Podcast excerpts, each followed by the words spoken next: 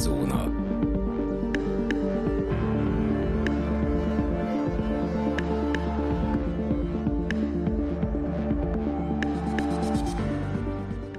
Köszöntjük a kedves hallgatókat, ez itt a Szürke Zóna Podcast. A mikrofonnál Rezső, valamint állandó vendégem Dani. Sziasztok! A mai napon a társadalmi stigmatizációról fogunk beszélni. Különböző kérdést és szempontot fogunk érinteni lényegében. Társadalmi osztályokról szeretnénk beszélni. Már ezt az osztályt is kicsit félbe fogalmazom meg, mert ugye ilyen eléggé határozott a marxista kifejezés, hogy a társadalmi osztály, meg osztályháború, meg mit tudom micsoda. De alapvetően arról lenne szó, hogy egész egyszerűen arról azt a dilemmát szeretnénk körbejárni, hogy bizonyos emberek nem tartoznak ugyanabba a kategóriába. Egyáltalán azt, hogy beszélhetünk -e erről, hogy létjogosultsága van-e annak a diskurzusnak, hogy megállapított, hogy vannak prolik például. Nem munkásosztály, hanem, hanem és nem is proletárok, hanem a, köz, a köznyelven használt prolik. És, és hogy ezek kicsodák, és hogy egyáltalán, egyáltalán megengedhetjük-e magunknak azt, hogy, hogy embertársainkat, vagy többi magyar embert prolinak minősítsük, és, és hogy magunkhoz képest egy, egy, egy kevésbé tanult, kevésbé, hát hogy is mondjam, értelmiséginek minősülő embernek tituláljuk, hogy egyáltalán van-e létjogosultsága ennek a diskurzusnak, hogy ha például realista alapokon vizsgáljuk meg ezt a kérdést, vagy, vagy ez, ennek az egésznek ö, gyakorlatilag kukában a helye, mert, mert nincsen proli, meg nincsen értelmiségi, meg, meg nincsen paraszt, hanem, hanem egész egyszerűen ember van. Ezt szeretnénk körbejárni több szempontból is, kicsit a meritokráciára ki szeretnénk térni, és a epizódunk végén érintenénk az oktatási rendszert is, felvezetve egy hasonló témában mozgó sorozatunkat. Dani, mi a véleményed a mai témánkról? Hát ugye amikor bedobtad, akkor egy kicsit zavarban voltam, és, és így hirtelen nem is nagyon tudtam, hogy, hogy mihez kezdjek a, a témaválasztással kapcsolatban. Aztán kicsit így beszélgettünk róla, meg ugye mm, felírtál pár dolgot, és akkor úgy elkezdtem én is gondolkozni, mert úgy maguk, önmagában a szavak nem voltak ismeretlenek, hogy társadalmi stigmatizációk, de hogy, hogy kicsit így, így nem igazán tudtam sehova se tenni, hogy akkor, akkor miről is szeretnénk pontosan beszélni, aztán, aztán így gondolkoztam, és ahogy nézegettem, így rájöttem arra, hogy hát igen, ez lehet, hogy valami nem tudom, régi, középkori dolognak a maradványa, ami, ami még így, így valahol ott van a, a modern társadalomban is, bár teljesen más elvek szerint élünk, meg tényleg szerintem mindenkinek az értékrendje változott akár a 19. századhoz képest is, de ugyanakkor meg, ahogy jöttek elő a példák, azért sajnos azt kell, hogy mondjam, hogy hát igen, azért még itt jelen van ez az egész, és tényleg vannak emberek, akik, akik valamilyen szinten a saját értékrendjük szerint így bekategorizálnak embereket, és, és, és előítéletesen bánnak velük, mert hogy, mert hogy mit tudom én, a hovatartozásuk, vagy akármi tanultságuk miatt. Úgyhogy hát nyilván egy, egy érdekes téma, és, és valószínűleg nem nagyon van meg a helye szerintem így a, a modern korban, és, és talán szépen lassan majd kihal ez is, de mondjuk az a helyzet, hogy szerintem ez mindig is jelen lesz ez, és mindig lesznek ilyen emberek, akik, akik akármi szerint besorolják ugye a embertársaikat, mert megtehetik, mert tök mindegy gazdagok, vagy, vagy tanultak, vagy akármi, Úgyhogy hát igen, a saját életből is nyilván van egy-két példa, amit, amit azért így jól vissza kellett gondolnom, mert hát azért fiatalabb koromat ilyen szinten azért így elfelejtettem, mert úgy érzem, hogy nem nagyon van kihatással már rám, már úgymond túlnőttem ezen az egészen, de de azért, hogyha belegondolunk, akkor tényleg így akár, akár a szüleinktől is, meg, meg a, a környezetünktől, akár a barátaink szüleitől is azért igazából szerintem lehetett egy-két ilyen szurkálódást hallani, és hogyha mindenki jól belegondol, akkor talán fel tudna saját magának is eleveníteni példákat, ahol, ahol ilyen stigmatizációnak lehetett úgymond a idézőjelesen a szenvedő alanya.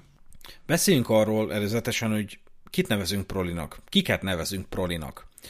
Én, én egyszer egy ilyen régebben, ilyen 20 éves koromban egy baráti összejövetelen megfogalmaztam ezt, hogy a, a prolik, és egy közös haverunknak az volt a reakciója, hogy de hát a munkásosztályt már eltörölték. és természetesen nem erről, tehát nem ilyen értelembe véve szoktak, szoktak még akár a közbeszédben is ilyen kifejezéssel élni, hogy a prolik, vagy panel prolik, még akár visszaemlékezve a, a Gyurcsány kontra Orbán Viktor vitára, ami még ugye a 2000-es évek közepe felé ment végbe, és talán az utolsó vita, amin a Orbán Viktor részt vett, jelenállás szerint és, és ott meg is fogalmazta, ott ki is ejtett a száján a Gyurcsány Ferenc, hogy, hogy panelproli, és a Orbán Viktor kikérte magának, tök mellékes, csak azért mondom el, hogy, hogy tudjuk, hogy ez, ez nem egy új keletű fogalom, ez már 15 éve egészen biztos, hogy fennállt, vagy mm. létezett, de hogy kiket nevezünk prolinak? Alapvetően azt a társadalmi réteget nevezzük prolinak, aki hát nem, nem etnikai hovatartozási alapon, hanem inkább hogy is mondjam, születési alapon, vagy, vagy, vagy szocializációs szempontok mentén stigmatizálódik. Egész egyszerűen annak ellenére, hogy a lehetőségei megvannak, például, hogy továbbfejlesz-e magát, hogy kitörjön a proli minőségéből, nem él vele, vagy a joga van meg, de a lehetősége nincs rá. Tehát egy panelproli például nem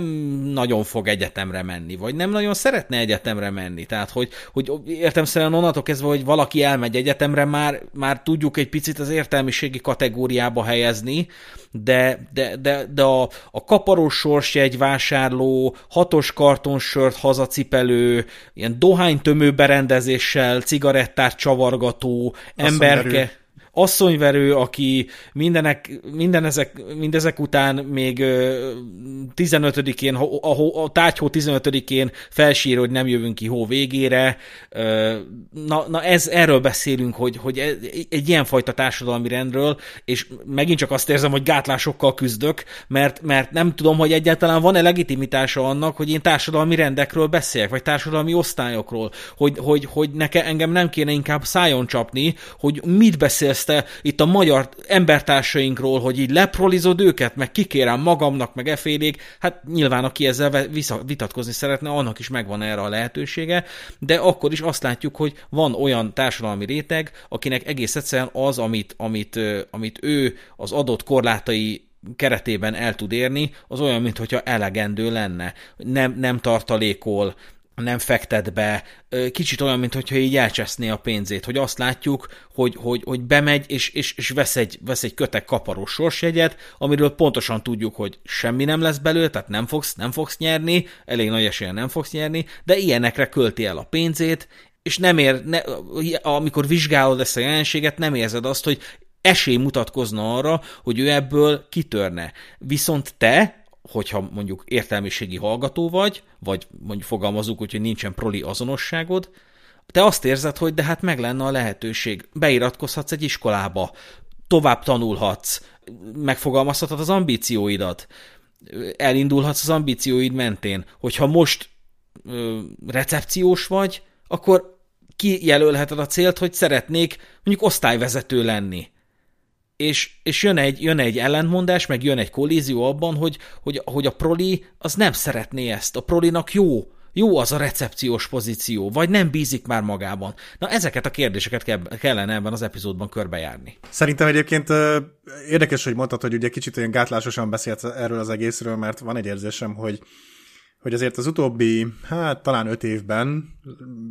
legbiztosabban öt évben, de talán már tízben is, ugye ezek az ilyen uh, negatív jelentésű és, és negatív tartalmat hordozó szavak, mint hogy ez a proli is, ugye már, már nem annyira trendi, és, és uh, ugye uh, hát azért sokat figuráztuk ki, hogy mindenkinek van egy ilyen kis safe space-e, meg hasonlók, mert hogy azért egy időben ezt én úgy érzem, hogy, hogy túltolta a társadalom, hogy, hogy mindenkinek safe van,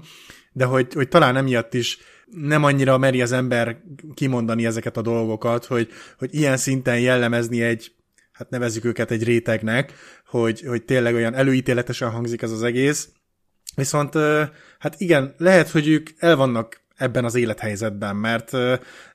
mert lehet, hogy felmérték a, a helyzetüket, és úgy, úgy voltak vele, hogy hát igen, nekem ez a diploma, ez talán kicsit túl messze van, meg hogy, meg hogy én nem leszek jogász, meg orvos, meg ilyesmi, minek erőltessem ezt az egészet, úgyis csak sok pénzbe kerül. Jó az, hogyha van nekem egy szakmám, amivel én el vagyok, és megkeresem a minimumot, de ugyanakkor nyilván szeretek egy kicsit panaszkodni is, hogy, hogy jaj, hát tényleg annyit keresünk a két gyerek mellett, hogy, hogy nagyon meg kell húzni a nadrág szíjat. Tehát ez egy ilyen érdekes ellentmondás is egyébként, hogy, hogy egy olyan élethelyzetben van, ahol talán kényelmesen, komfortosan érzi magát, ugyanakkor meg sokkal komfortosabban is érezhetné magát, mert tényleg egy kicsit beletehetett volna annó több motivációt, meg energiát a, az életébe, meg hogy merre vezeti, és akkor talán nem lenne ilyen helyzetben, hogy, hogy ahogy mondott, hogy hó 15-én már, már húzza a száját, hogy húha, hát itt, itt, itt gondba leszünk, meg hogy akkor innentől kezdve majd száraz vajas kenyeret adunk a gyereknek az iskolába menet. Egy érdekes, érdekes kérdés, hogy, hogy tényleg így, így ez ennek a ezeknek az embereknek a, ez a modern világ felfogás, hogy ugye az ilyen negatív szavakat nem használjuk, meg elkerüljük, hogy ez igazából csak így, így tutulgatjuk ezeket az embereket így, hogy jó van, akkor hagyjuk őket, és hogy ez valójában lehet, hogy nekik így jobb, mert ugye hát tényleg azért a, a kényszer is sok mindenre képes, és amikor, amikor ugye minket is kényszerítettek dolgokra, akaratunk ellenére, mert mi úgy voltunk vele, hogy nekünk sokkal jobb lenne, hogyha ha nem azt az utat járnánk, amit ugye választottak a szüleink, hogy akár iskola, vagy, vagy munkahely, vagy akármi, hát ö, szerintem azért rengeteg életszituáció van, amit mi még nem is nagyon élhettünk meg, főleg belegondolni abba, hogy, hogy mondjuk elmegyünk vidékre, és nekem nem egy ismerősöm van, aki eléggé az akarata ellenére benne maradt mondjuk a, a földművelős életbe, ö, pedig, pedig ő úgy gondolta, hogy talán azért ennél többre képes, és most nem leszólni akarom ugye azokat az embereket, akik, akik földet művelnek, mert, mert kell, meg minden, és tényleg egy, egy, egy nagyon jó életút lehet, csak azért ugye egy kicsit beleragadhatnak ebbe a, a fiatalabb generációk, és, és hát ugye a másik oldalról megkaphatják ezeket a jelzőket, hogy proli vagy akármi, pedig valójában ők nem, nem ide tartoznának. Szóval ez egy nagyon összetett probléma szerintem, és, és nagyon, nagyon érdekes életszituációk vannak, ahol, ahol talán az ember kicsit beleragad maga miatt, vagy nem önszántából, úgyhogy, úgyhogy ja, nehéz, nehéz erről beszélni, mert nagyon sok oldalú tud lenni szerintem a kérdés. Nekem az életemben volt egy pillanat, amikor azt éreztem, hogy, hogy összehoztam azt, amit elterveztem. Tehát, hogy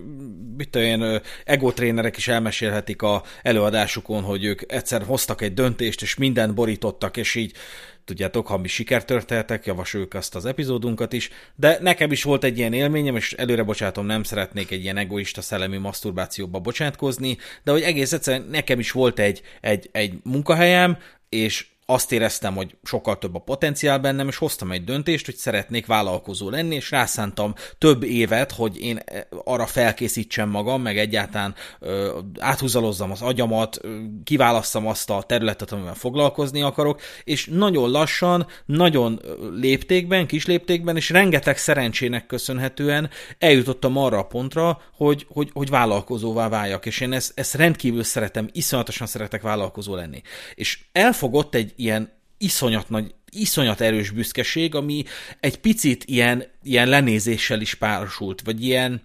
hát ilyen leereszkedettséggel. Hogy azt éreztem, hogy ez a lehetőség, hogy vállalkozó legyél, és kitörjél egyáltalán abból a, abból a keretből, hogy neked mindig kell, hogy legyen egy hülye főnököd,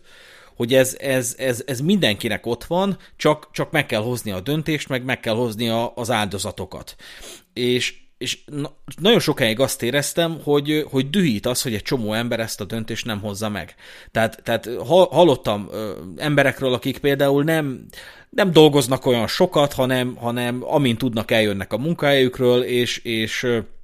és, és amint hazaértek, agyből kapcsolják is be az Xboxot, és, és, és késő estig játszanak. Nincs ezzel semmi baj, csak akkor én azt éreztem, hogy ez, ez méltatlan. Azt éreztem, hogy, hogy, hogy, hogy, hogy ez méltatlan egy, például egy férfihoz, férfihez, hogy, hogy egy igazi férfi az, az, az nem Xboxozna, hanem, hanem visszaülne a gép elé, és, és tovább dolgozna, és, és fejleszteni a saját vállalkozását, és új területekbe próbálna ö, belefogni. És aztán szóltak nekem, hogy nyugodjál már meg, mert, mert hogyha mindenki ezt csinálja, akkor, akkor ki fogja neked felszolgálni az ételt az étteremben. Például. Tehát egész egyszerűen, hogyha mindenki, mindenki olyan elvek mentén gondolkodna, mint ahogy én akkor gondolkodtam, hogy hát ez a, ez a lényegében a hasznos életnek a záloga, hogy, hogy ilyen irányba menjél el, akkor nem lesz szolgáltatói réteg például, akkor nem lesznek felszolgálók, nem lesz, nem lesz kiszolgáló személyzet egyébként e, e, egyszerűen az országban, és ez, ez érezhetően egy probléma, tehát hogy ki is hangsúlyozták, hogy nincs az a probléma, hogy valaki nem akar vállalkozó lenni, és ezt én is aláírom. De ugyanakkor meg azt is lehet tapasztalni, hogy ez a réteg, ez hajlamos panaszkodni. Tehát egész egyszerűen, a, aki, aki például a szolgáltatói rétegben létezik, azt, azt, azt esetenként hallod arról panaszkodni, hogy nem támogatja őket az állam, mit én, megszabják az árakat, rossz feltételek mentén dolgoznak, nem fizet eleget a munkáltató, mert a munkáltatónak sincsen pénze, nem tud bevételt realizálni, magasak az adók, tehát hogy nagyjából ide vezethető vissza, hogy sok, sok esziát kell fizetni utánad, hogy azt nem kéne kifizetni, akkor több lenne a fizud, eleve valami horribilis összeget kell utánad havonta leadózni, tehát készhez kapsz egy pénzt, de jóval többet kapsz, csak az, az az ugye annak jelentős része adó. És nekem meg erre az volt a válaszom, hogy de hát akkor ne legyél a szolgáltatói rétegben, hanem képezd ki magad, tanulj tovább, és menj el egy olyan pozícióba, ahol többet fizetnek, mert akkor több lesz a pénzed, mi azután is, hogy leveszik az adót. És egész egyszerűen jött egy ilyen indulat bennem, meg jött egy ilyen, egy ilyen felháborodottság, hogy nem csapnak senkinek se a kezére, amikor le akar venni egy könyvet a polcról vagy nem, nem csapnak a kezedre, amikor be akarod adni a jelentkezésedet egy képzésre. Vagy ha nincsen ezekre pénzed, akkor leülsz és összeírod egy papírra, hogy mit tudsz eddig az ambíciódnak megfelelő területről, és leírhatod, hogy miben kell még fejlődnöd, milyen irányba kell még fejleszteni magadat. Írhatsz egy checklistát arról, hogy mit kell megtenned ahhoz, hogy elérd a céljaidat ezen a ponton nekem egyszerre volt igazam is, meg egyszerre tévedtem rendkívül, és mind a kettőt körbe fogjuk járni. Hát ugye szerintem tovább bonyolítja ezt a helyzetet az, hogy, hogy amikor abban a korban vagy, hogy hogy döntéseket hozzál a, a jövőddel kapcsolatban, akkor még túl fiatal vagy, nincs benne a fejed lágya, meg hasonlók, és, és adott esetben tényleg éveket tudsz elcseszni azzal, hogy, hogy egyszerűen nem azt csinálod, amit csinálhatnál akár,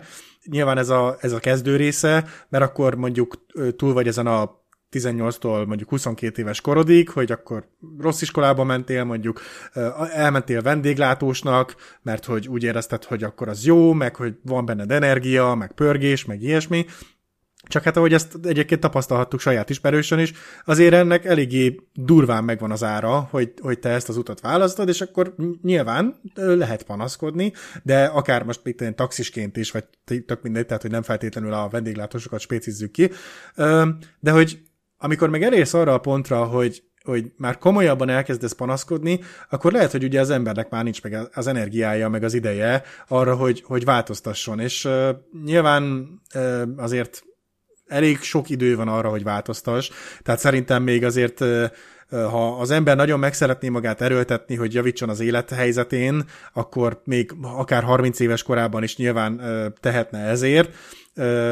most ugye te mondod, hogy magánvállalkozó vagy, azért, hogy is mondjam, fiatalabb korunkban a magánvállalkozásról is hallottunk azért negatív dolgokat, sőt, szerintem én többnyire csak negatív dolgot hallottam, mert hogy, hogy gyakorlatilag neked nincsen életed, és hogy te, te szervezel mindent, és hogy, hogy igazából azt kell, hogy mondjam, hogy még egy negatív példaként is lett beállítva a magánvállalkozás, mert hogy, hogy oké, okay, hogy a, a saját ö, munkádnak a, te vagy a főnöke, és te osztod be, hogy mikor, hogyan, mit csinálsz, de hogy egy olyan ö, ö, példa lett bemutatva, hogy én nem akarok magánvállalkozó lenni, mert hogy ez egy nagyon szörnyű dolog, hogy nekem nincsen szabadidőm, nekem, ha két napig nem dolgozok, akkor már nem lesz pénzem, mert hogy, mert hát nyilván én döntöm el, hogy behetek én Szabira, de hát akkor onnantól ez akkor, hú, Isten, nincsen pénz, és szerintem ez is egy érdekes ö, oldala az egésznek, hogy mondjuk, ha csak a magánvállalkozást nézzük, hogy én ettől el, el lettem rettentve, és persze egy felnőtt ember vagyok, és azért ö, átláthatom, hogy ez racionálisan nem így van, mert persze nehéz, más, meg ilyesmi, mert nem feltétlenül van egy havi fix fizetésed, amit te megkapsz, és akkor hátradőlhetsz, hogy hó, hát én ezt biztos, hogy meg fogom kapni, de ettől függetlenül ezért ez jóval árnyaltabb ennél szerintem. De ugyanakkor meg, ja, tehát mondhatjuk azt, hogy el lettem rettentve egy, egy ilyen úttól, hogy akkor a, úgymond a saját főnökem, főnököm lehessek.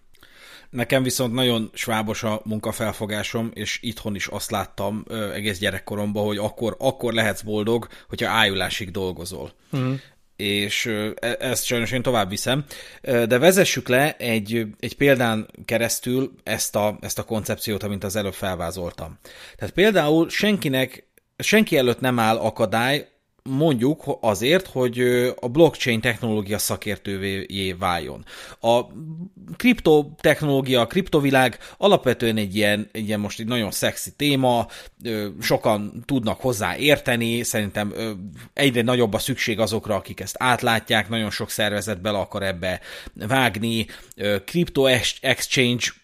cégek, startupok indulnak, egész egyszerűen szükséget, sőt egy csomó, csomó képzés indul, ahova kell tanár, tehát hogy, hogy, hogy egyre nagyobb a szükség, hogy a, az ember a blockchainhez, a kriptóhoz értsen. És te elhatározott, hogy a blockchain technológia szakértőjévé válsz. Mit tudsz tenni? Elolvashatod az összes szakirodalmat, elkezdesz te is tartalmat gyártani, például vlogolsz, blogolsz, csak hogy tornáztasd az ismereteidet. Er, ez szerintem rendkívül fontos ahhoz, hogy, hogy valamit, ha, valamit jól akarsz csinálni, hogy elkezded így gyakorlatilag tornáztatni. Ráísz, ráírhatsz ismert kriptoevangelistákra, meg ilyen közeti személyiségekre, vagy, vagy kripto exchange központok alapítóira, akik mondjuk járatosak így, meg így ott vannak a social médiában, hogy mit tudsz ajánlani, ajánlani, hogy hogy induljak neki, hogy ne, neked mi volt az utad, javasolj ne, nekem is valamit. Nyilván segíteni fog. Felajánlhatod neki a meglévő lehetőségeidet cserébe, tehát például azt mondod, hogy figyelj, köszönöm, hogy segítettél, vagy köszönöm, hogy segítesz, cserébe tartozom neked, a apámnak a kalapkészítő műhelyébe életre szóló kedvezményed lesz. Már meg is van egy ügyfél kapcsolat, már meg is van egy barter megállapodás, amiből utána bármi lehet még, már tudni fogja ez a valaki, hogy apádnak kalapkészítő műhelye van.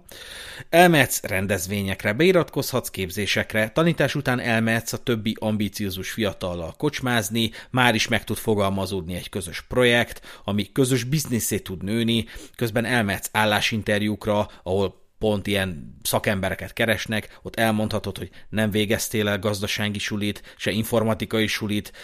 nincsen, nincsen még meg a, a, a blockchain-es felnőtt képzésen szerzett végzettséget sem, de ezen az állásinterjún demonstrálhatod, hogy annyira elhivatott vagy, és nagyon szeretnél dolgozni, hogy, hogy, hogy nagyon szívesen vennéd, hogyha felvennének erre a pozícióra. És ők adott esetben úgy élhetik meg, hogy ez bőven elég, hogy ez totál kipipálja azt a hiányosságot, mármint, hogy kipótolja azt a hiányosságot, hogy például nincsen klasszikus oktatási rendszerben szerzett végzettséged, ami ez a szakmához fűződik. Tehát Alapvetően ez a képlet rendkívül egyszerűnek tűnik, a gyakorlat mégis azt mutatja, hogy marhára nem egyszerű valójában. Elmagyarázom, hogy például a magam esetén, vagy magam életében hogy éltem ezt meg. Én nagyjából akkor tájt, amikor elkezdtem vállalkozni, én kitáltam, hogy én szeretnék érteni a programozáshoz. Abszolút idegenkedtem ettől a területtől, elvégre jogász vagyok, és nagyon sokáig kerültem az informatikát, meg a technológiát, aztán át kellett húzadoznom az agyamat, mert tudtam, hogy ez így nem fog, ez így nem lesz jó egész, egyszerűen nem, nem maradhatok a 20. századba ragadva, és elkezdtem tanulni programozást, elmentem ilyen programozás alapjai képzésre, már is elkezdtem látni, hogy hogy, hogy kell gondolkodni programozóként, és úgy felmerült, hogy de lennék programozó, hogy nyilván az is egy olyan dolog, amit megint csak tudnék ajánlani, hogy arra is rá lehet mondani, hogy egyre több és több pozíció, vagy egyre több és több programozó hiányzik a világból, évről év évre nagyobb szükség mutatkozik a programozókra. Jelen állás szerint egy közepes tudással, de, de határozott ambíciókkal és, és kicsit minimális ilyen social skill-ekkel elmész egy, egy, egy adott ilyen, ilyen fejlesztő céghez, és azt mondod, hogy hát annyira nincsen iskolám, meg nem is nagyon volt még gyakorlatom, de de egy Hello world már úgy le tudok programozni, akkor azt mondják, hogy jó, figyelj, felveszünk a junior pozícióba, valaki mentorál majd téged, aztán, aztán mit eltelik egy év, és már egy kiváló programozó leszel nálunk, és már, már mi fogunk téged fizetni. Ez bizonyos cégeknek, ez egy tök reális koncepció. Biztos vagyok benne. És én feltettem magamnak a kérdést, hogy mi esélye van annak, hogy én programozó legyek. Rá, rá kellett jönnöm, hogy bármennyit tanulhatok, bármennyit gyakorolhatok, soha, de soha nem lehet már belőlem programozó. Ugyanis lecsúsztam róla. Már nem tudok annyi időt és energiát allokálni arra, hogy a kódolás beépüljön a képességeim közé. Ehhez alsó hangon azt kéne, hogy miután elvégeztem egy iskolát, egy programozóiskolát, borítok mindent, és egy junior pozícióban elkezdek hivatásszerűen programozni miközben minden délután dolgozok valamilyen programon. Tehát, hogy lényegében arról van szó, hogy ugye megpróbálom felfejleszteni magam egy vállalató programozóvá, Tehát én, én azt gondolom, hogy az én életemre vetítve ez a szenárió csak akkor tudott volna működni, hogyha én elmegyek egy junior pozícióba programozni, és a szabad időmben is ezzel a dologgal foglalkozok, hogy minél jobb tudjak lenni. Viszont ez most így már lehetetlen, mert nem tudok kiesni a kerékvágásból, felépítettem egy tanácsadó vállalkozást, a leg, létező legnagyobb ostobaság lenne ezt borítani, és nem fogok 30 évesen jogász diplomával beülni egy junior pozícióba. Valószínűleg nem is vennének fel, mert túlképzett vagyok. Tehát nekem ez elúszott, és ezzel nem csak én lehetek így, hanem bárki, akinek a korábbi rezső azt mondja, hogy haver csávó, miért nem mész el vállalkozni? Miért nem mész el ö, blockchain technológia szakértővé válni? Hát oké, okay, hogy itt ülsz a call centerben, de hát nyilvánvalóan ez nem jó neked, tehát hogy 30 éves férfi ez, ez ne, ne üljön ma a call centerbe, ez az én meggyőződésem. A régebbi rezső ezt mondta, de a, rég, a mai rezső meg már tudja, hogy pont ezek miatt, hogy, hogy van egy kiforrott életműködésed, egyszerűen nem biztos, hogy ezt meg tudod valósítani, hogy tudod mit? Fel is állok itt a call centerből, aztán megyek, kiképzem magam blockchain technológistának, aztán, aztán el fogok tudni helyezkedni, mert már ráálltál egy életpályára, már egy csomó faktor van, ami nem teszi azt lehetővé neked, hogy, az, ahogy, ahogy a jelenlegi életpályádat megakazd, azért, hogy szintet tudjál lépni. És, és ö, ostobaság volt részemről, hogy én ebben nem gondoltam bele, amikor én kritikákkal éltem azokkal szemben, akik nem azt az életpályát választották, ami, amit én választottam. Nyilván, hogyha mondjuk boldogtalan lennél a, a jelenlegi ö, munkáddalban, meg, meg úgy mindenben, akkor gondolom én, hogy hogy valószínűleg sokkal több időt és energiát tudnál erre az egészre így, így rászakítani. Nyilván mondhatjuk azt, hogy végül te abban a szerencsés pozícióban voltál, hogy megtaláltad a helyed, kényelmesen érzed magad, látod a, a, a kihívást, meg minden, és, és, és ezzel tök, tök jól tudod kezelni, meg, meg egyébként keresed is a kihívásokat, de, de szerintem, hogyha ha nagyon-nagyon boldogtalan lennél, mert mondjuk éppen egy, tényleg egy ilyen T-szisztemes call centerben ülsz, én tudom, hogy az milyen szörnyű, hála Istennek ez pont ilyen 18 éves korom környékén tapasztalhattam meg, úgyhogy ott onnan még lehetett tovább lépni, de hát szerintem akkor azért biztos máshogy látnád ezt az egészet, és akkor tudnál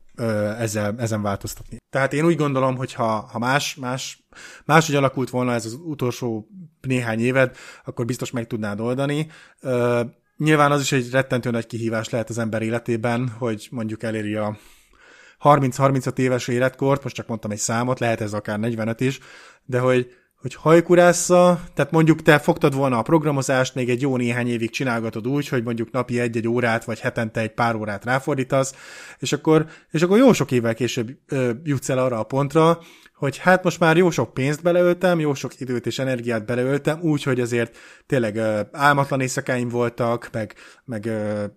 csak megerőltettem magam, hogy még akkor a főállásom után még egy kicsit tanulgattam, és hát ö, ilyenkor rettentő nehéz lehet belátni, egy ponton, hogy, hogy ez nem neked való, de biztos, hogy sajnos rengeteg ilyen szituáció van tényleg, amikor, amikor egyszerűen elkeseredve kell több év után azt mondanod, hogy, hogy nem neked való. Én, én egyébként rajzolással voltam sokszor így, ezzel a grafikus dologgal, hogy, hogy hát úgy érzem, hogy nem fejlődök, nem haladok előre, biztos, hogy nekem való, és akkor néha-néha belekostolgatok egy-két egyéb dologba, de valahogy ö,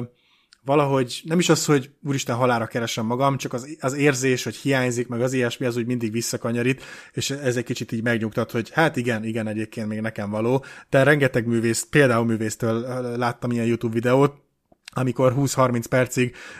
azon agyalnak, hogy na vajon ez a kreatív útvonal neked való-e, mert egyébként nyilván ezzel kapcsolatban is rengeteg ilyen, ilyen társadalmi stigmatizáció van, hogy, hogy te művész vagy, hát és, és ezt annyira leáltalánosítják, hogy lehetsz te zenész, festő, akármi, egyszerűen lenézik, hogy ez, ez olyan semmi, semmit mondó, és hogy olyan, olyan nem is igazi munka, meg hogy ezzel nem is lehet jól keresni, meg ugye nyilván mindenki jön azzal, hogy szívességet kér, és akkor majd ő, ő mutogatja a te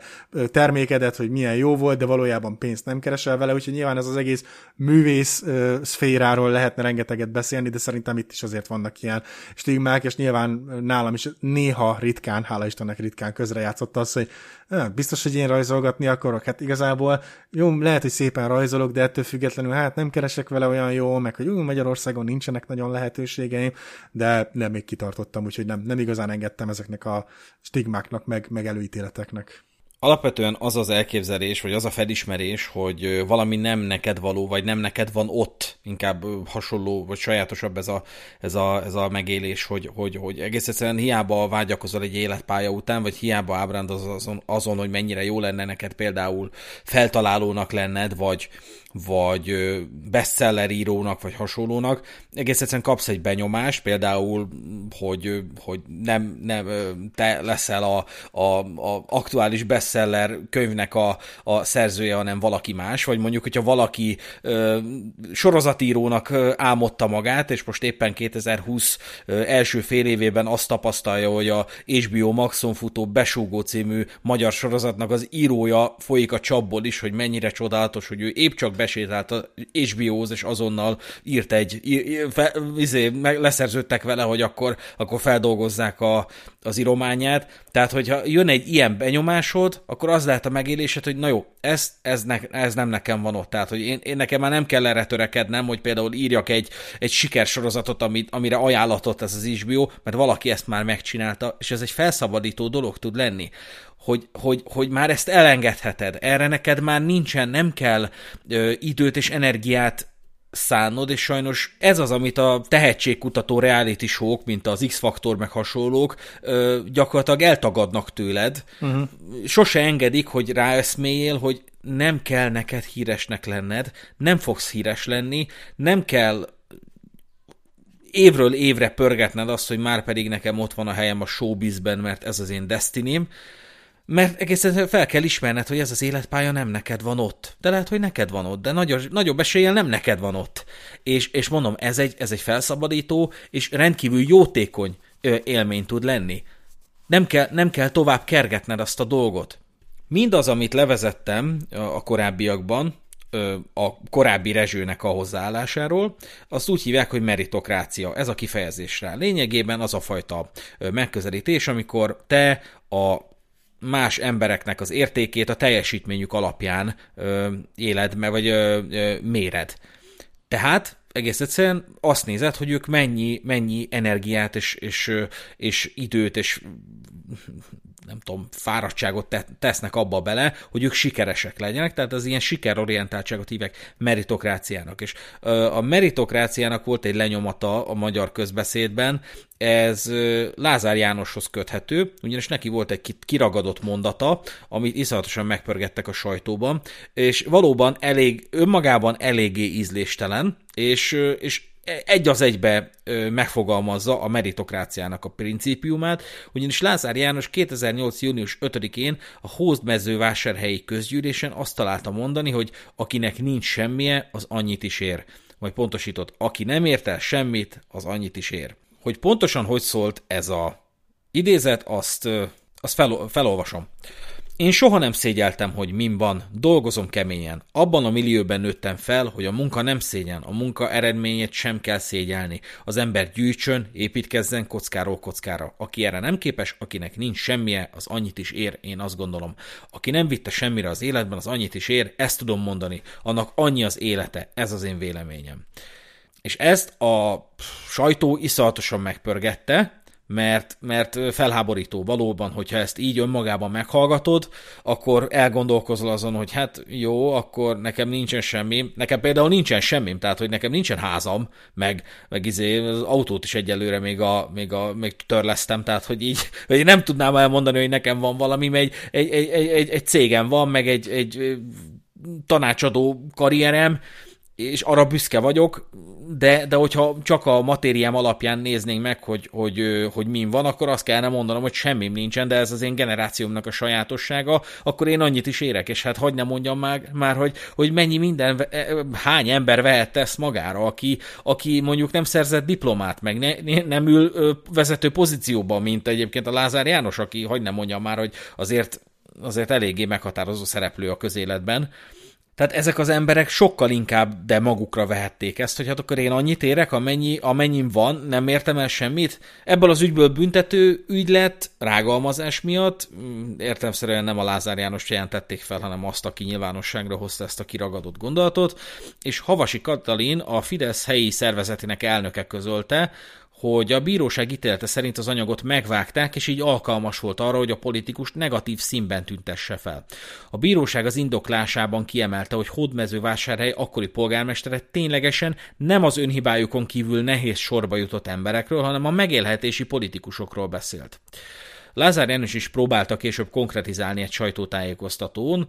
ezt a dolgot, megjegyzése korán sem a szegény emberekre, emberekre irányult, mondta, hanem azokra, akiknek a képviselői vagyonnyilatkozata szerint nincs jövedelmük. Bocsánatot kért azoktól, akik a félreérthető fogalmazás miatt úgy érzik, hogy őket megbántotta, de egyben jelezte, hogy egy három évvel korábbi testületi ülésről van szó, aminek 70 oldal az írott anyaga, tehát a jegyzőkönyv. Ebből a 70 oldalból 15 oldal ez a vita, Onnan kiválasztottak két mondatot, amit kiragadtak a szövegkörnyezetből, és ami a legfontosabb, a szöveget magyarázó részt vágták ki. Mert a Lázár János nem a szegény emberekről beszélt, nem a hátrányos helyzetben élő emberekről, hanem a megélhetési politikusokról, és az ő vetületükben fogalmazták ezt meg. Eleve ő a vagyonnyilatkozatokkal összefüggésben fogalmazta ezt meg, hogy hát egy csomó ilyen politikusnak nem szerepelt semmi a vagyonnyilatkozatában. Ez ugye visszatérő probléma, vagy nem visszatérő jelenség, hogy olyan politikusok, akiről tudható, hogy gyakorlatilag vagyonok, vagyonok fölött, meg, meg iparágak fölött diszponálnak, azok leadják a vagyonnyilatkozatukat, és így nincsen semmi rajta. Tehát, mm. hogy így semmi, semmi lóvéjük. És ezzel összefüggésben, ő összefüggésben fogalmazta ezt meg. És ez ugye egy nagyon, nagyon jó demonstrált demonstrálta azt, hogy mekkora probléma van azzal, hogy nem kontextusában vizsgáljuk meg a kimondott szavakat. Amit a Lázár Jánossal szemben végrehajtottak, az karaktergyilkosságnak hívják. Nyilván ez nem bocsánatos, mert azért az ő oldala is bőven ki tud hordani súlyos és elvetemült karaktergyilkosságokat, de jóval később egy családpalotai lakossági fórumon történt, hogy egy választó számon kérte ezt a megjegyzését. És ezt mondta ez a választó, videó van róla, sónuszba elhelyezzük. Mit tetszett mondani, hogy ha valaki a 420 ezer forintot havonta nem keresi meg, az loser. Ezt ön mondta, fenn van az interneten, ezt többen látták. És ezen a ponton Lázár János már mondta is, hogy hát a hazugságot azért nem kell tolerálnom. És ö, tényleg nagyon gáz, hogy ez, ezt én is rendkívül problémásnak látom, hogy oké, okay, elhagyja a szádat egy ilyen rohadtul ízléstelen, mélységesen meritokrata megjegyzés,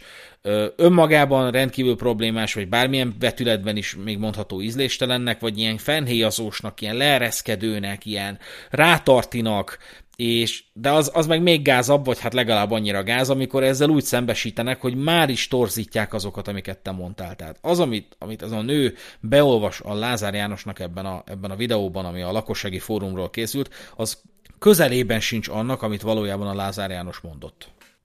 És hát ez volt az a pont, amikor a meritokrácia próbára tétetett a közbeszédben, és nem nyert hangszórót. Itt is azonnal bekapcsoltak az érzelmek, gondolták az emberek, ha én nem keresek annyit, mint te, Lázár János, akkor nem érek semmit ezek szerint. Megfogalmazódott a kritika, hogy akkor mi van az orvosokkal, és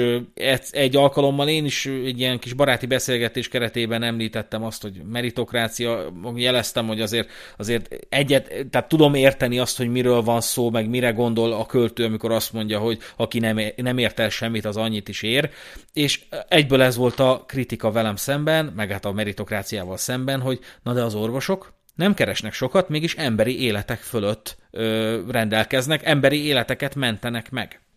És hát ezt is érdemes körbejárni, mert önmagában az, az nem feltétlenül igaz, hogy az, em, hogy az orvosok emberéleteket mentenek meg.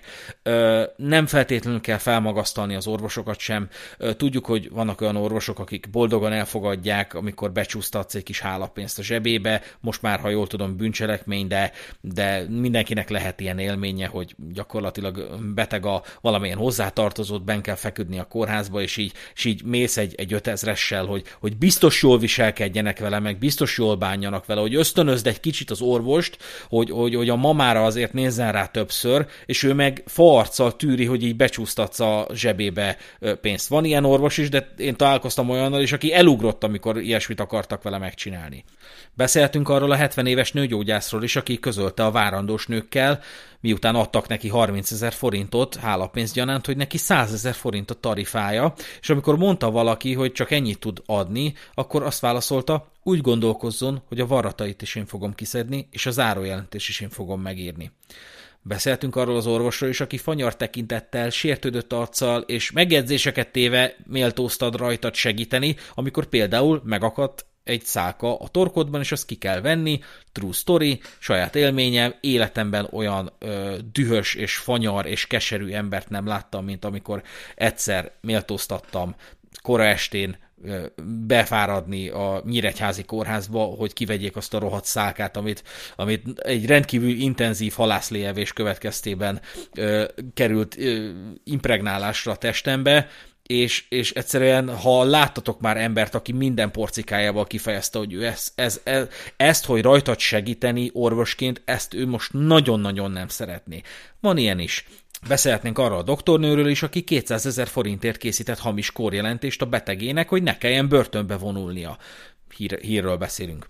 vagy azokról, akik miatt az anyáink inkább lemondtak a saját nevükről, és felvették a férjük teljes nevét, mert az volt a legenda, hogy a feslet erkölcsű szajhaként kezelnek a szülészeten, ha nem derül ki rólad már a neved alapján, hogy házas vagy. Beszéltünk arról a házi orvosról, aki félrekezelt téged. Engem például magas vérnyomással diagnosztizáltak, és már írta is fel a házi orvos a vérnyomás gyógyszert, de később a szakorvos elmondta, hogy kis diétával kezelhető a vérnyomásom, viszont ha elkezd elkezdtem volna szedni azt a gyógyszert, már nem állhattam volna levele. Súlyos félrekezelésről van szó, és még hogy nem mondjam, hogy minden megtörténhetne ilyen ö, logika mentén a világon. Vagy beszéltünk arról a házi orvosról is, aki nem ír fel neked a kérésedre beutalód, mert, idézek, nem költjük az állam pénzét. Tehát, hogyha az a kritika a meritokráciával szemben, hogy ez nem veszi figyelembe a társadalmat fenntartó ö, emberek megítélését, mint például az orvosokét, akkor ezt a felsorolást is tegyük hozzá, Léci,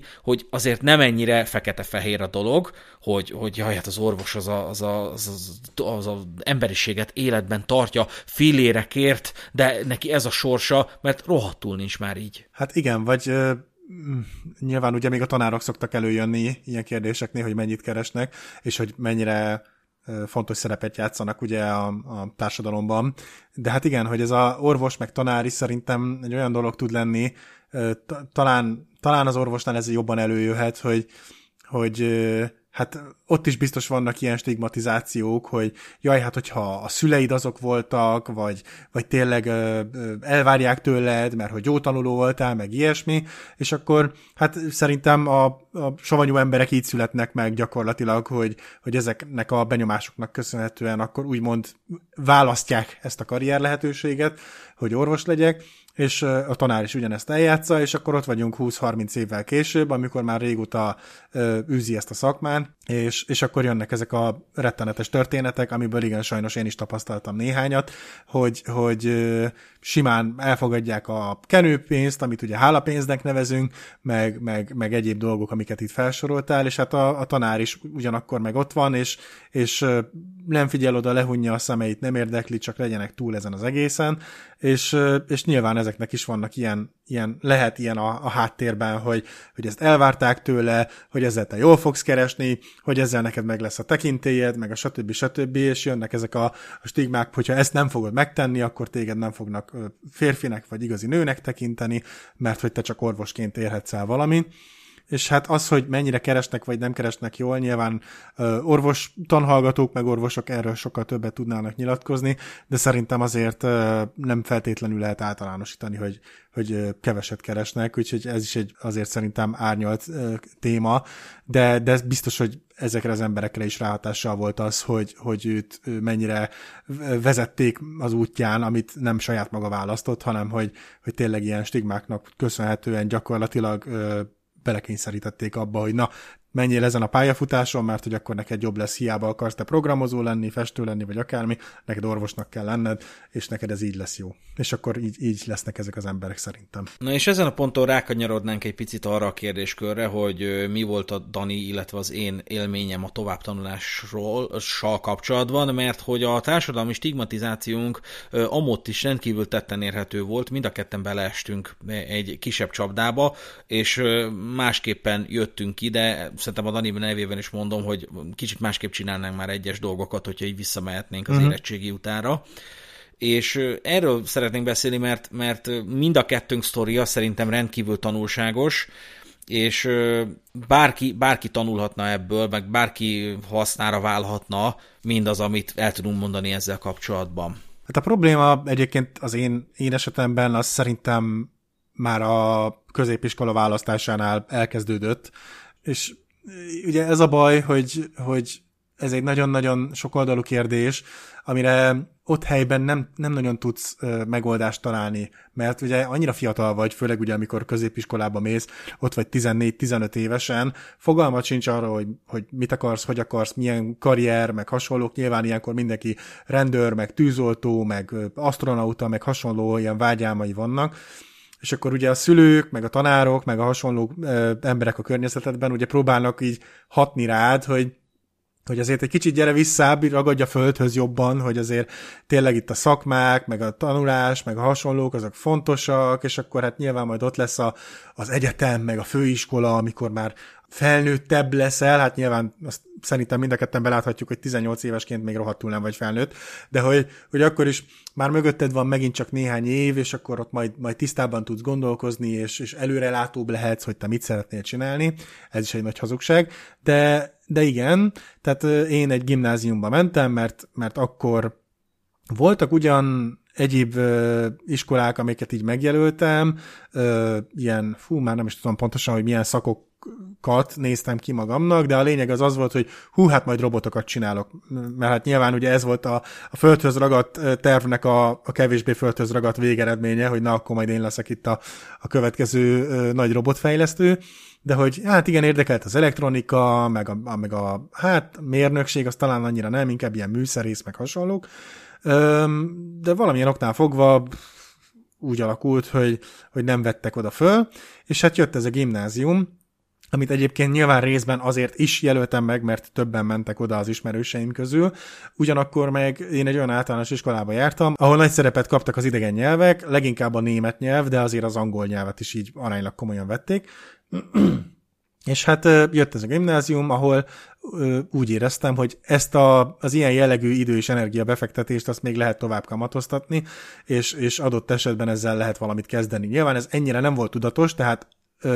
kivételesen igaz volt az az előítélet, hogy jaj, te biztos csak azért mentél ide, mert a Józsika meg a Béla is ide mentek. Igen, ez, ez benne volt teljesen, de ugyanakkor meg én azt éreztem már akkor is, ilyen fiatalként a szüleim részéről, hogy, hogy nekik volt egy világképük, ami nyilván a saját szüleiknek a hatására és meg az akkori világnak a hatására kialakult bennük, hogy te akkor leszel igazán férfi, hogyha fogsz egy szakmát, amit természetesen egy szakközébe, vagy hát szakmunkásba ö,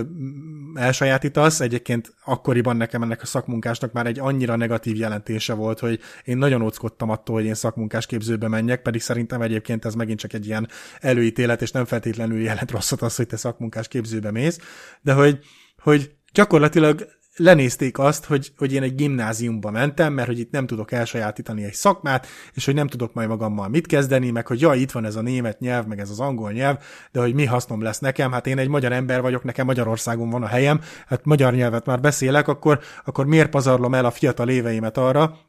hogy gyakorlatilag németet meg angol tanuljak. Hát megsúgom, manapság ebből a két nyelvből élek, úgyhogy igenis megvolt az eredménye annak, hogy én, hogy én mégiscsak gimnáziumba mentem, és lehet, hogy nem voltam túl eredményes, mert lusta voltam, nem fogok magamnak hazudni, hogyha újra élhetném, valószínűleg ugyanilyen lusta lennék, de ugyanakkor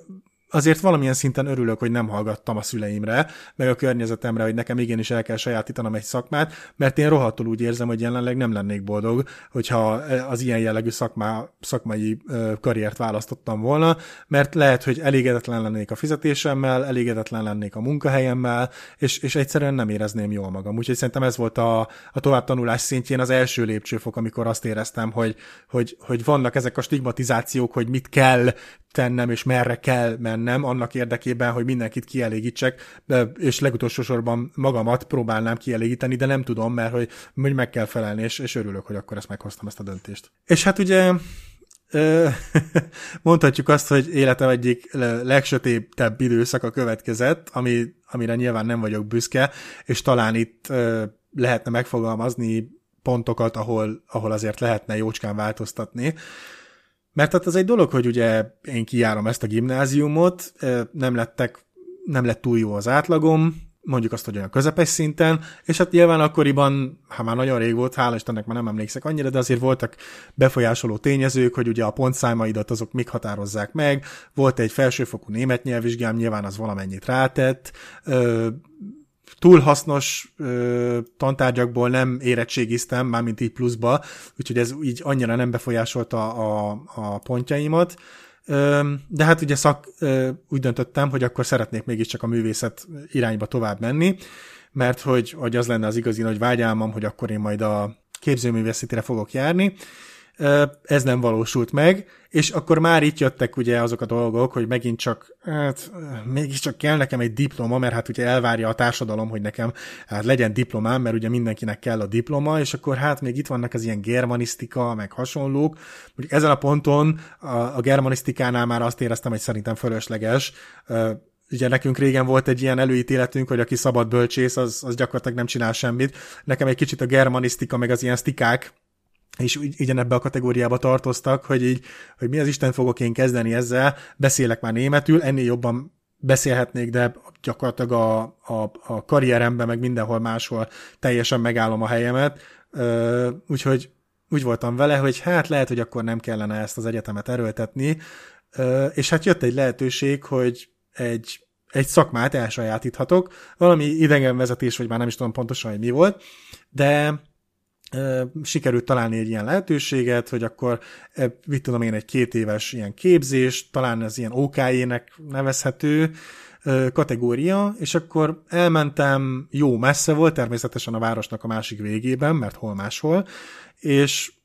bejártam Hát, voltak érdekes dolgok benne, kicsit belelátott az ember abba, hogy ez a idegenvezetés sem feltétlenül a legszebb szakma, legalábbis nekem nem nyerte el a tetszésemet, és hát nem is tudom, talán egy bő egy, maximum másfél hónap után én úgy döntöttem, hogy nekem ez, ez annyira nem való, viszont ugyanakkor meg hát nem szeretnék senkinek sem csalódást okozni, meg, meg hát nyilván megint csak féltem attól, hogy, hogy mi lesz akkor, hogyha én ezt így közlöm, hogy nem igazán szeretnék én ebbe az iskolába tovább járni. Úgyhogy jó sok hónapig, szerintem legalább fél évig, hogyha nem tovább, próbáltam húzni ezt az egész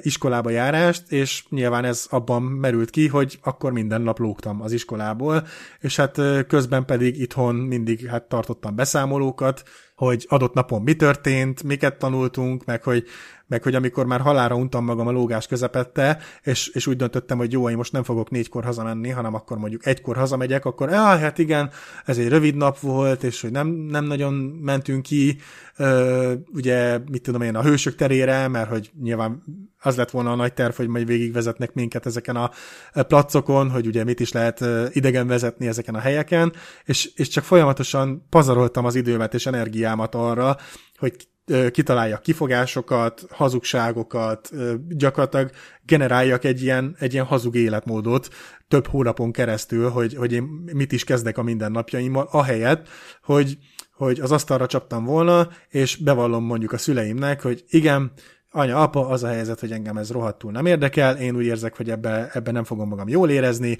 szerintem ez idő és pénzpazarlás, mert nyilván bérlet meg hasonlóra is költeni kellett, és inkább azt mondom, hogy figyeljetek, keresek valami munkát ideiglenesen, de mondjuk közben a, a művészetnek szeretnék élni, mert hogy én azon az úton szeretnék tovább indulni. Nem, egyszerűen rettegtem attól, hogy mi lesz, hogyha ez kiderül, és, és inkább, inkább húztam a saját időmet, és, és igen, ez egy olyan pont lenne, amin valószínűleg már szívesen változtatnék, és, és inkább megspórolnám magamnak ezt a akár fél vagy háromnegyed évet, és akkor inkább egy olyan utat választok, amit szívesebben csinálnék, és lehet, hogy nem lett volna eredményes, ezt sosem tudhatjuk meg, de ugyanakkor most elmondhatnám azt, hogy ezt, a, ezt az időszakot hasznosabban töltöttem volna. Azért örülök neki rendkívüli módon, hogy ezt elmondtad, mert ezzel rengetegen szenvednek szerintem. Tehát, hogy néztem múltkor egy vlogot a úgynevezett Szalai Isti nevű vloggertől, akinek ilyen vezetős vlogja van, tehát hogy lerakja a kamerát a kocsiba, maga felé irányítja, és aztán ahogy így gurulászik így a városban, így közben beszél a dolgairól. És eleve úgy találtam rá, hogy ő az egyetemi éveiről beszél, tehát több videóban is, de az egyikben lényegében ugyanazt az életpályát mesélte el, amit, amit te is most elmondtál, csak ő sokkal tovább, talán évekig csinálta ezt, hogy a szülei azt hitték, és nagyon kemény, ahogy, ahogy, ahogy ezt beismeri, ez valami iszonyat, iszonyat nagy bátorságra val, meg önismeretre, hogy, hogy, hogy, hogy beismeri, hogy a szüleinek éveken keresztül mondta azt, hogy jár egyetemre, uh-huh. amikor ő már régen elengedte ezt az egészet a francba, már gyakorlatilag vizsgázni sem ment be, már órára sem ment be, és azt csinálta, hogy reggel elindult, köszönt a szüleinek, hogy na megyek suliba, elgurult egy McDonald'sba, és ott, ott délutánig nézegette a videókat a telefonján, majd, majd, majd hazament, és, és, és annyira, annyira rástresszel szerencsétlen, és, és annyi, elhelyezzük egyébként a videót a, a sónoszba, de hogy de hogy, de hogy gyakorlatilag már azon gondolkodott, amikor már kö, kö, közeledett az az időszak, hogy már a, már a, a, a diplomaosztó is esedékes lenne, akkor kitalálta, vagy azon kezdett el gondolkodni, hogy hogy tudná megoldani statisztákkal, hogy eljátsza a családnak, hogy, hogy lezajlik a diplomaosztó. És szegény, és és ő is ugyanez, hogy egyszer rettegett az egésztől, mert hogy neki is azt mondták, hogy legyen diplomád, eleve, amikor már elkezded, azt egy évig jársz egyetemre, akkor már mondják, hogy most már csináld meg, Igen. hogy ha azt mondod, hogy de nem akarom megcsinálni, akkor miért fizettük a tandíjat, akkor miért fizettük az albérletedet, akkor miért finanszíroztunk téged. Tehát belekerül az ember egy ilyen, egy ilyen nagyon kellemetlen csikücsuki helyzetbe, hogy nem bírom megszüntetni ezt, a, ezt az állapotot, de rohadtul méltatlan, és, és, és, és egyszerűen nincs meg a bátorságom ahhoz, hogy véget vessek neki. De én is érzem, hogy ez így nem mehet tovább. És aztán úgy bukott le szerencsétlen, hogy gyakorlatilag felmondták az, a hallgatói szerződését, és kiküldték, kiküldték levélben azt, hogy, hogy tisztelt Szala István, ön nem jár tovább az egyetemre, vagy valami ilyesmi, és úgy tudta meg, hogy jött az egyetemtől egy, egy, egy levél, hogy ő, ő vidéken volt, vagy Balatonon, vagy nem tudom micsoda, és elkezdett azon gondolkodni, meg így a barátnőjével így átszervezni a hétvégét, hogy így hogy jusson haza úgy, hogy ja igen, nem ez volt, hogy, meg, hogy kapott, kapott levelet, hanem tudta, hogy kiküldik a, a, a levelet, mert hogy kapott e-mailt, és akkor ott volt, hogy postai úton is megküldjük ezt a jelen határozatot. És akkor elkezdett azon gondolkodni, hogy hogy, hogy jusson előbb haza, hogy ő kapja, hogy készhez vegye a, a levelet, hogy a szülei nehogy meglássák, és nem sikerült összehozni, a szülei készhez vették a levelet, és megkérdezték, hogy, hogy, hogy, hogy mi ez, mi ez, hát Istikém, hát kirúgtak téged, meg hogy mi a franc, nem mi, tehát ott van, ott van az indoklás is, hogy mert összegyűltek a, azok a hiányzások, vagy nem tudom micsoda, hogy megvannak ugye a határ, vagy a feltételei annak, hogy mikor szüntetik meg veled a hallgatói szerződést, és akkor ő még elkezdett magyarázni, hogy jaj, nem, ezt mindenkinek kiküldték, de hogy szar a rendszer, meg hogy valami hiba becsúszott, meg hogy ez, ez ne, nem is kellett volna, ezt már írtak is, hogy, hogy ez, ez, ez, ez téves, meg effélék, és akkor így ránéztek, hogy, hogy igaz ez? És mondta, hogy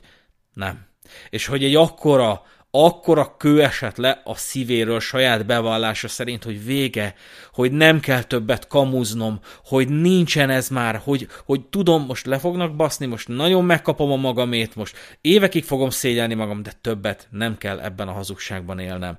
És ez, ez nem győzném hangsúlyozni, már csak azért sem, mert ugye neked is volt egy ilyen, egy ilyen példád,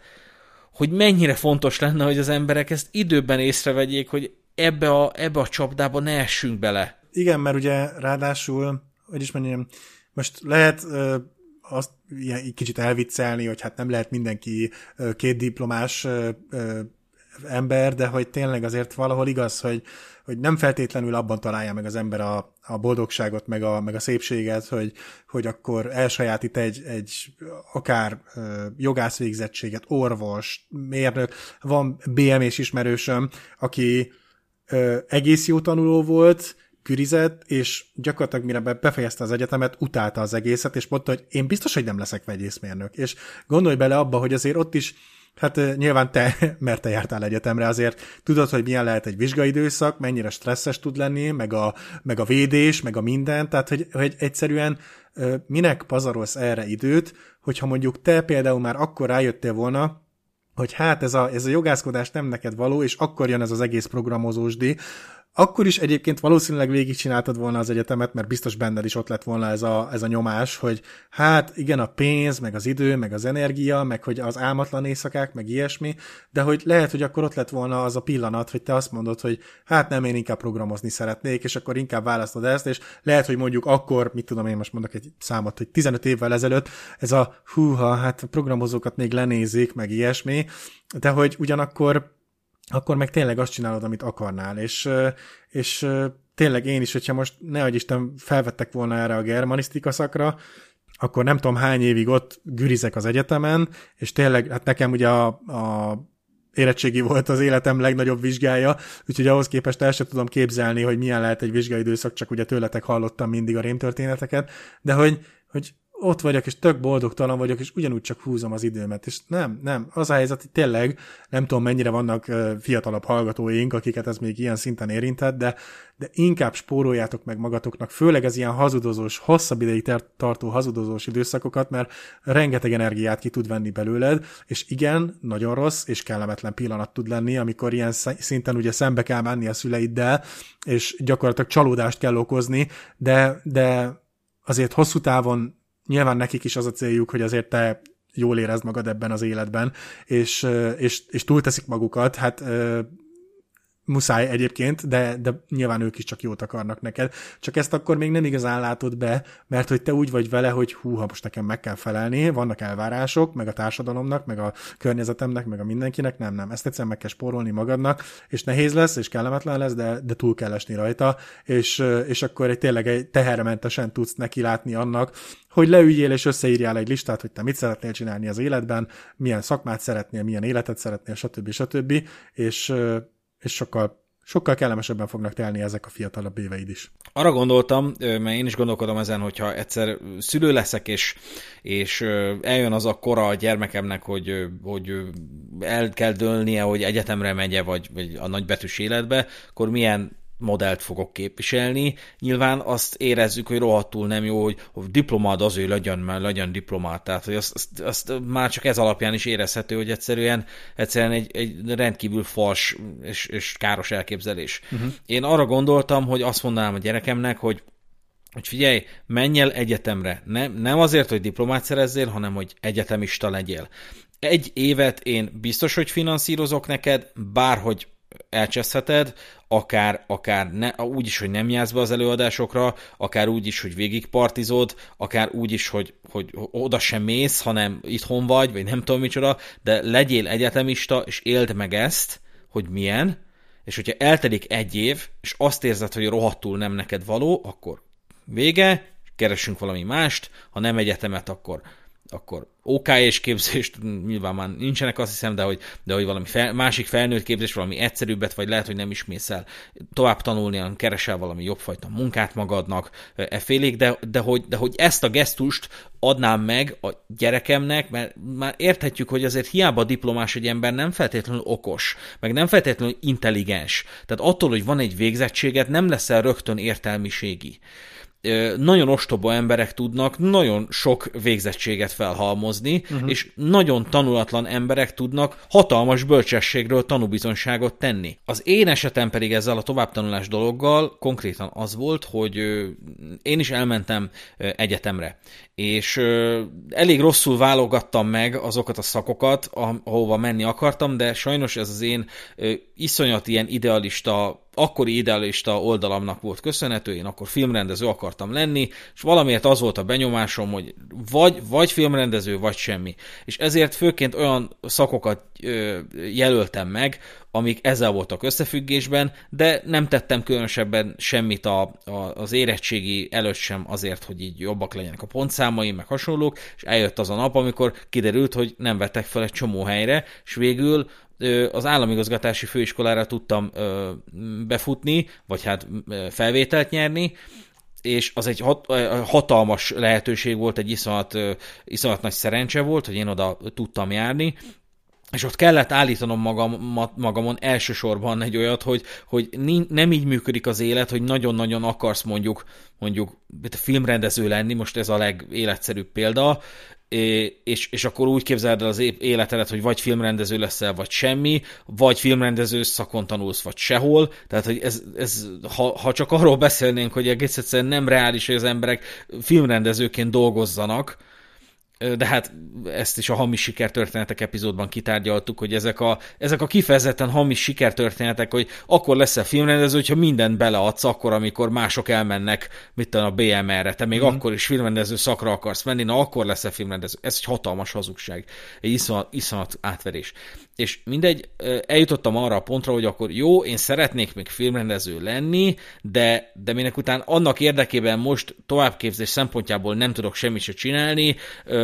elkezdek járni a Corvinusra, akkor ugye Corvinus volt, ma már az a szaka közszolgálati egyetem alá tartozik, és elvégzem ezt az igazgatás szervezés szakot.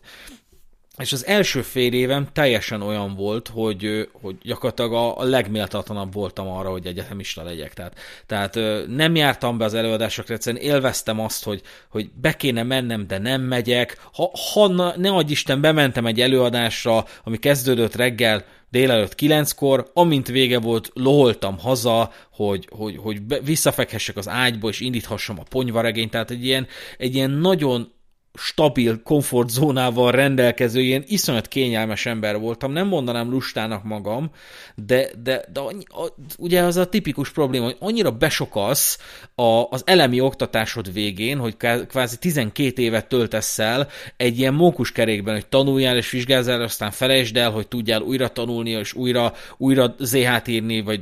izé, dolgozatot, aztán, aztán azt megint söpör ki a gondolatodból, tehát, vagy az emlékezetedből, tehát ebben a körforgásban az emberek megtörnek, és én is annak ellenére, hogy nem is nagyon vettem komolyan egész életembe addig a pontig a, a tanulást. Én is megtörtem, és azt éreztem, hogy hagyjanak békén, hagy feküdjek itt, és nézhessem a ponyvaregényt. És, és eltelt egy fél év, rengeteg tárgyból megbuktam. Tehát úgy, úgy számolom, hogy 12 bukásom volt a, a vizsgai időszakban, mert egész egyszerűen nem voltam megérve még erre a helyzetre, és már, már én is azt fontolgattam, hogy kiiratkozok, és meg kellett hasonulnom, hogy ez nagyon ilyen Szabó Péter Jánosan fog hangzani, de hogy a könnyebb vagy a, vagy a nehezebb utat akarom választani, mert a könnyebb út az, az igen, az az, hogy bemegyek a TO-ra, és mondom, hogy ki szeretnék iratkozni, jó, ezt, az, ezt a papírt adja le, és akkor én többet már nem vagyok egyetemista, vagy a nehéz út, hogy tovább csinálom, és hogyha megbukok, akkor majd elmegyek pótvizsgázni, hogyha, hogyha nem sikerül a vizsga, akkor elmegyek a következő fél évbe, újra megpróbálkozok vele, ha csúszok egyet, akkor csúszok egyet, estében, tehát ez is egy ö, megoldás lett volna, és valahogy az utolsó hetekben sikerült összehoznom, hogy abból a 12 bukásból nem tudom, tizet kijavítsak, a másik kettő miatt, másik két tantár miatt pedig nem, nem csúsztam. És még mindig nem nőtt be a fejem lágya, mert eltelt egy fél év, és sikerült egy ilyen két hétre besuvasztani nem tudom hány tárgyat, és mindegyikből átmentem, de ilyen iszonyat, iszonyat szerencsével, tehát hogy az, azt az egy tételt tanultam meg, amit kihúztam, tehát hogy így ilyen, ilyen hülyeségek, meg sietett a tanár, én meg utolsónak maradtam, és akkor éreztem, hogy így túl akar lenni rajtam, de nem akar megbuktatni, hanem valamit ott izé, igen, igen, igen, jó, jó, oké, megvan a kettes, oké, mehetünk. Tehát, hogy ilyenekkel sikerült, és ez nem segített azon, hogy meg kéne emberelnem magam, mert az volt a felfogásom, hogy jó, ez a modell, be kell sűríteni az összes vizsgát két hétre, és akkor egy szusszal neki kell állni, és akkor levizsgázgatok. És akkora pofonok értek még engem az iskola három éve alatt, hogy, hogy, hogy elképesztő. Az utolsó, utolsó vizsgám, amit ott az iskolába törtöttem, ott még nem volt ugye záró, záró vizsga, mert ugye BSC szak volt, de az utolsó vizsga az rendkívül nehéz volt nyilván azért, hogy egy kicsit, kicsit komolyabban vegyék a diákok, meg hogy ne legyen annyira könnyen elvégezhető az iskola. És gyakorlatilag az a mondat hagyta el a három éves egyetem utolsó vizsgáján a tanár száját, hogy Rezső, felteszek most egy kérdést, Rezső úr, tisztelt kolléga, ha tudja, átment, ha nem, megbukott. És az, azon, a, azon a kérdésem múlt, hogy, hogy, hogy, hogy csúszok-e egy évet vagy sem, és akkor azt éreztem, hogy egyszerűen nincs annak létjogosultsága, hogy csúszak. És, és valami, is, ott is valami iszonyat mázlim volt, mert hogy valami olyasmi volt, hogy hány, csak hogy volt, hogy az adott megyében hány településnek kell, mit tudom én, kistérségi településnek minősülnie ahhoz, hogy az adott megyét, ilyen baromság. És akkor én meg azt mondta, hogy teljesen random, hogy valamennyi. De én úgy értettem, hogy fogalmam sincs, ő meg azt mondta, hogy az, úgy értette, hogy az összes. És uh-huh. akkor mondta, hogy jó, van a kettes megadom, mert az a válasz, hogy az összes. És így azt hittem leájulok a, a, a, a székről, és így sikerült elvégeznem az első egyetememet, de a mai agyammal visszanézek, és rohadtul szégyellem magam, mert ezek voltak, ezek lettek volna azok az évek, amikor én ö, úgy tudok utána olvasni dolgoknak, úgy tudom képezni magamat, hogy azok be is égnek. A mai agyammal visszamennék, nagy eséllyel több időt töltöttem volna a, az egyetemen, és annak ellenére, hogy egy olyan közegbe kerültem, akik állandóan szenvedtek azon, hogy előadásra kell menni, meg, meg szemináriumra, meg hogy alig várták, hogy mehessenek végre, ö, ennek ellenére kellett volna azt mondanom, hogy ti menjetek nyugodtan, én megyek a könyvtárba, és Bibót fogok olvasni, Bibó Istvánt. Mert vannak emberek, akik például tartalomgyártók, általam követett tartalomgyártók, akik ezt az életet választották, hogy nem siettek haza, hanem kihasználták a lehetőséget, hogy egyetemisták, és, és, és tanultak, és egy csomó minden beleégett az agyukba, amit még most is tudnak hasznosítani, például a tartalomgyártás keretében, és én nem használtam ki azokat az éveket, hogy beégessem az agyamba azokat a dolgokat. Most próbálom, tehát, hogy most, most a podcastelés alkalmával próbálok arra időt keríteni, hogy utána olvassak mit tudom, történelmi cselekményeknek, meg társadalmi jelenségeknek, elolvasgassam a forrásokat, és így beleégessem az agyamba. De ez közel sem olyan, mint amikor én 19 évesen elolvasok valamit, és az benne marad egy életre valamiért a fejemben. Hát abszolút nehéz szerintem azok az évek, amikor neked komoly döntéseket kell hozni az egész életeddel kapcsolatban, szerintem ennek legalább öt évvel később kellene megtörténnie, mert egyszerűen nem ez készen agyilag, meg sehogy sem arra, hogy, hogy te most tudatosan meghozzál ilyen döntéseket, amik tényleg ennyire kihatással lesznek az egész életedre. Nyilván ez a oktatási rendszernek is a hibája, de erről többet most nem szeretnék erről az oldalról beszélni. De egyszerűen az, hogy, hogy hogy ott vannak azok az emberek, akik legközelebb állnak hozzád, és, és rájuk tudnál leginkább támaszkodni, és Hát sajnos, ez is valószínűleg egy ilyen emberi tulajdonság, hogy nyilván a saját példájukat hozzák elő, vagy azt, amit nagyon belevertek az ő fejükbe is, hogy, hogy ezt kell tenni, meg azt kell tenni, és emiatt befolyásolják a te, te gondolataidat és véleményedet, és, és hát igen, sajnos sok esetben tényleg az a, az a végeredmény, hogy csinálod ezeket a dolgokat évekig, és, és egy rossz, rossz mintát sajátítasz el egy rossz példák alapján, és emiatt sokan belekerülnek abba, hogy nem tudnak ezen a helyzeten később változtatni, mert, mert, mert egyszerűen nem, nem tartanak ott, hogy annyi energiájuk meg idejük legyen. Nyilván az is egy érdekes kérdés, hogyha most visszavetnél, akkor tényleg beülnél le a könyvtárba, vagy egyszerűen annyi, annyira tele lenne már a hócipőd, meg annyira fáradt lennél, hogy, hogy nem tudnád megtenni.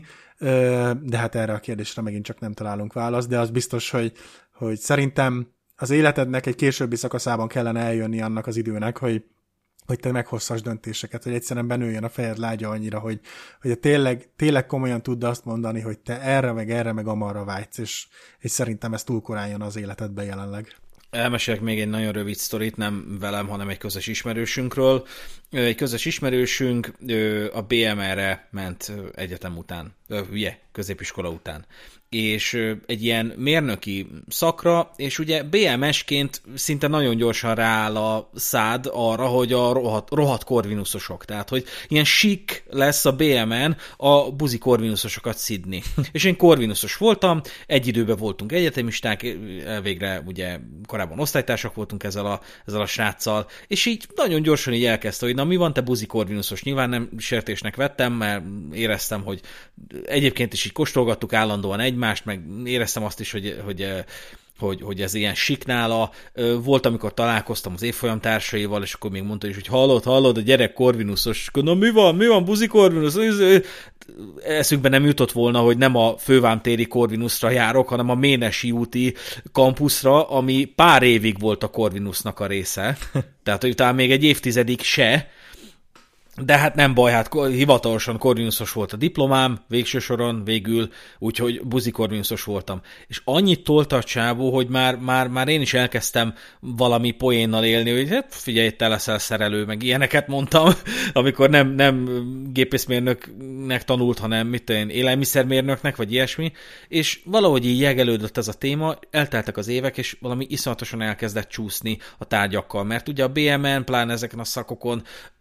kemény számon kérés van, tehát hogy ezt ugye ismerjük a, az egyetemi szférában ezt, hogy, hogy ezt a jelenséget, hogy gyakorlatilag úgy szórnak téged, hogy hiába írod meg ötösre azt a dolgozatot, akkor is megbuktatnak, mert ne, ne legyen ma az a legenda erről a szakról, hogy olyan könnyű, meg eleve, eleve szórják ki azokat az embereket, akik nem veszik komolyan ezt az egészet, meg csak úgy rontanák az ázsióját a, az iskolának, és, és valami nem tudom, már öt éve járt egyetemre, és még mindig elsős tárgyai voltak, és egy nagyon evidensé vált, hogy ezt a BMN nem fogja tudni elvégezni, mert, mert már gyakorlatilag stigmatizálta őt a, DM, a BME, úgyhogy mit volt mint tenni, át kell iratkozni egy másik egyetemre,